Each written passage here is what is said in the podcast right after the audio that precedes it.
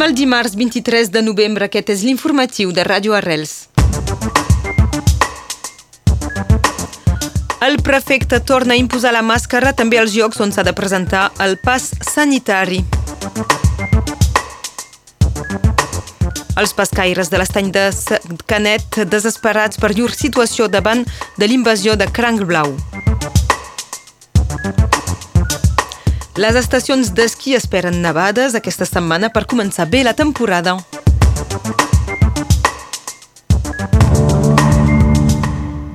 Meteo France ha plaçat en vigilància groga el departament a partir de les 6 d'aquesta tarda per pluges, inundacions i tempestes. L'episodi mediterrani hauria de produir-se a partir d'aquest vespre i també al llarg de demà dimecres.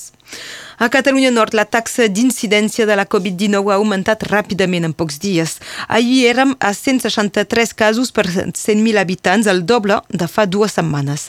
A causa d'aquesta evolució ràpida, el prefecte ha decidit tornar a imposar la màscara a tots els llocs i esdeveniments en els quals és necessari el pas sanitari.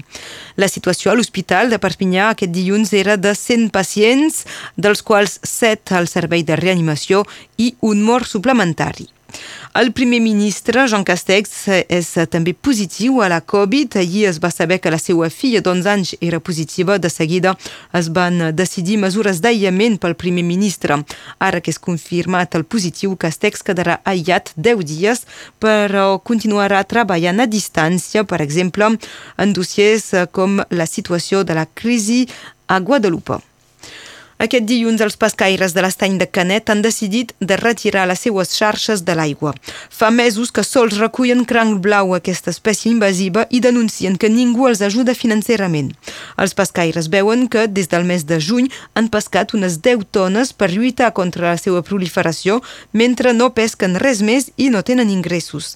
Davant de la notícia d'una nova experimentació científica finançada per les institucions, però que no els compensa les pèrdues, han decidit retirar la les xarxes de l'estany. El col·lectiu de protecció del rec d'Elna organitza aquest vespre una reunió pública d'informació sobre la situació i les amenaces que pesen sobre l'aigua i la gestió d'aquest rec. Els experts del col·lectiu explicaran el valor del rec d'Elna al llarg dels seus més de mil anys d'història. Aquest col·lectiu es va crear l'any 2018 per informar del risc de destrucció de la resclosa en nom de l'anomenada continuïtat ecològica també avui se celebra la seva Assemblea General. La reunió d'informació sobre la situació actual del rec d'Elna començarà a les 6 de la tarda al cinema Vautier. Aquest dilluns, el Consell de la Comunitat Urbana de Perpinyà Mediterrània va aprovar la creació de l'associació Escola 42, una escola que s'hauria d'instal·lar dins l'edifici de les Dames de França que l'Ajuntament de Perpinyà ha comprat amb aquesta finalitat. L'escola 42 és una formació gratuïta i sense límit d'edat creada per Xavier Niel, el fundador de Free. La temporada d'esquí ja és oberta al Pirineu nord-català. L'estació de Porte Pimoren va ser la primera a obrir els esquiadors el passat cap de setmana. La segona en obrir serà l'estació dels Angles aquest pròxim dissabte. Ho tenen tot a punt. La gran incògnita, com cada any, és saber si la neu serà ben present. Aquest any al Capcí semblen prou tranquils mirant les previsions meteorològiques. Escoltem Antonio Martín de l'Oficina de Turisme dels Angles. Eh, la previsió són nevades, baixades de temperatures i unes precipitacions d'uns eh, 40-50 centímetres de neu. De moment farem una apertura parcial, 30 o 40% de l'estació, i sempre intentem, si les condicions ho permeten, la pista, per exemple, de Angles, la pista que baixa fins al poble, aquesta produir la suficient neu perquè la gent pugui baixar fins al poble esquiant, no tingui que agafar el telecabina. Com sempre, intentem obrir el màxim possible de pistes en funció de les condicions i la nevada tan esperada que tindrem entre avui i dimecres. Fa tres setmanes vam tindre una baixada molt forta de temperatures, vam aprofitar per produir neu i això permet de crear eh, dos, tres metres de neu i al moment que comença a nevar, aquesta amb les trepitjaneus una mica repartir la neu a les pistes i fer la primera base de neu que està ben gelada, ben compactada, i això ens permet aguantar tota la temporada. Era l'Antonio Martín de l'Oficina de Turisme dels Angles. Actualment les neus catalanes ofereixen preus especials pels forfets de temporada i a més per la compra de quatre forfets de temporada per una mateixa família als Angles, el forfet a preu reduït passarà a ser gratuït. A les estacions d'esquí, davant l'augment de positius per Covid, la màscara serà obligatòria i si se superen els 200 casos per 100.000 habitants serà necessari el pas sanitari per accedir a les pistes. Avui comença l'edició 56 del festival Confrontació. La temàtica d'enguany és filmar el temps present. Vol ser una reflexió sobre el que diu el cinema de la seva pròpia època. El programa és preparat per l'Institut Jean Vigo i hi haurà 80 films, 10 taules rodones. Confrontació durarà fins aquest diumenge 28 de novembre al cinema Castellet. El president de la Generalitat de Catalunya, Pere Aragonès, ha arribat a un acord amb els comuns per als pressupostos del 2022. El conseller d'Economia, Jaume Giró, ha obert el debat celebrant l'acord que fa possible la tramitació dels pressupostos, encara que ha lamentat que la CUP n'hagi quedat fora. Avui el govern de Catalunya podria ampliar l'ús del pas sanitari actualment exigit únicament per l'oci nocturn a Catalunya Sud. L'ampliació concerniria la restauració i altres recintes tancats que acullen públic. Si la Generalitat aprova aquestes mesures, s'haurà d'esperar l'acord de la justícia.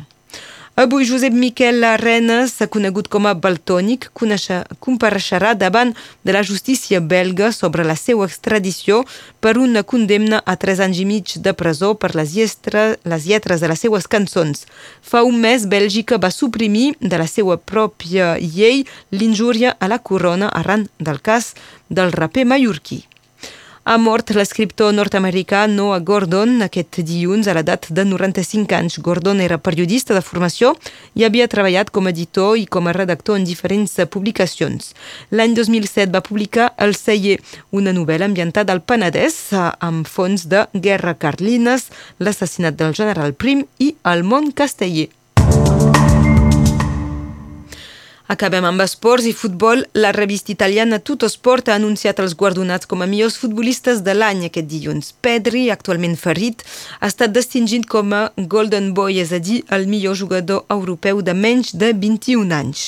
El segon és el segon jugador del Barça que aconsegueix aquest guardó. El primer havia estat Leo Messi l'any 2005. I la Golden Woman també ha estat per una jugadora del Barça, l'holandesa Licky Martins, just per davant de la també blaugrana Jenny Hermoso.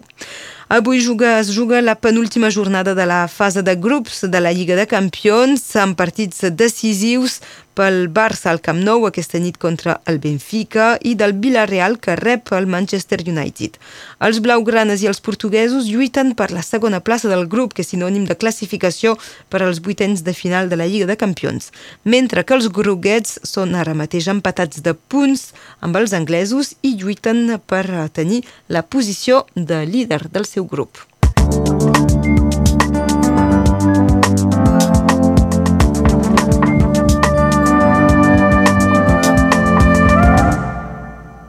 Passem a la previsió del temps amb el Rafael Renyer.